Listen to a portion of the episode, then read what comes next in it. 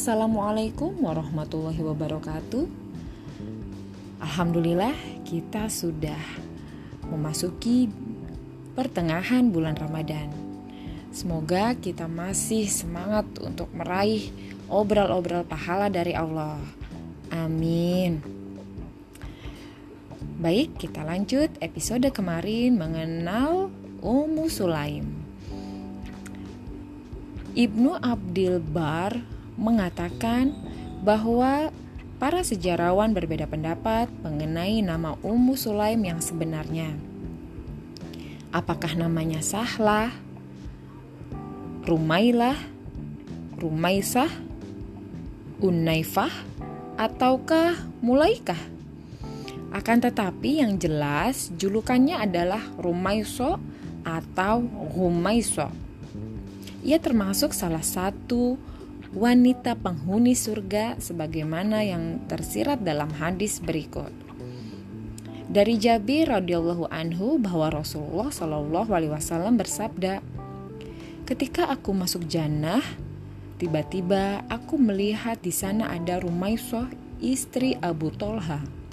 Hadis riwayat Bukhari dalam hadis Anas dikatakan bahwa ketika Nabi Shallallahu Alaihi Wasallam masuk surga, beliau mendengar suara trompa seseorang. Suara siapa ini? Tanya beliau.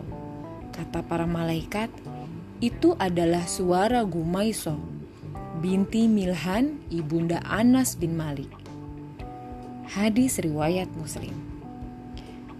Ummu Sulaim termasuk wanita yang cemerlang Cemerlang akalnya juga cerdas. Ia pun seorang penyabar dan pemberani.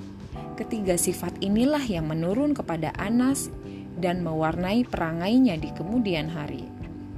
Ya, kecerdasan biasanya melahirkan kecerdasan. Kesabaran melahirkan kesabaran dan keberanian melahirkan keberanian. Sebelum menikah dengan Abu Tolha, suami Ummu Sulaim adalah Malik bin Nagor, ayah Anas.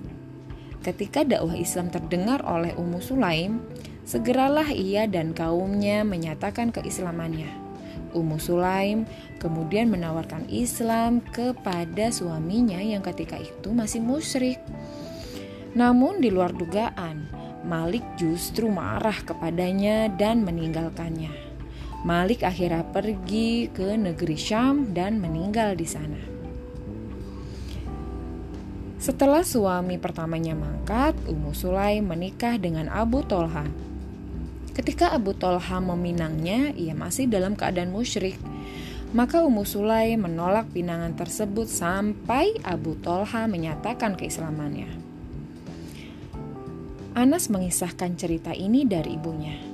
Kata Ummu Sulaim, Sungguh tak pantas seorang musyrik menikahiku.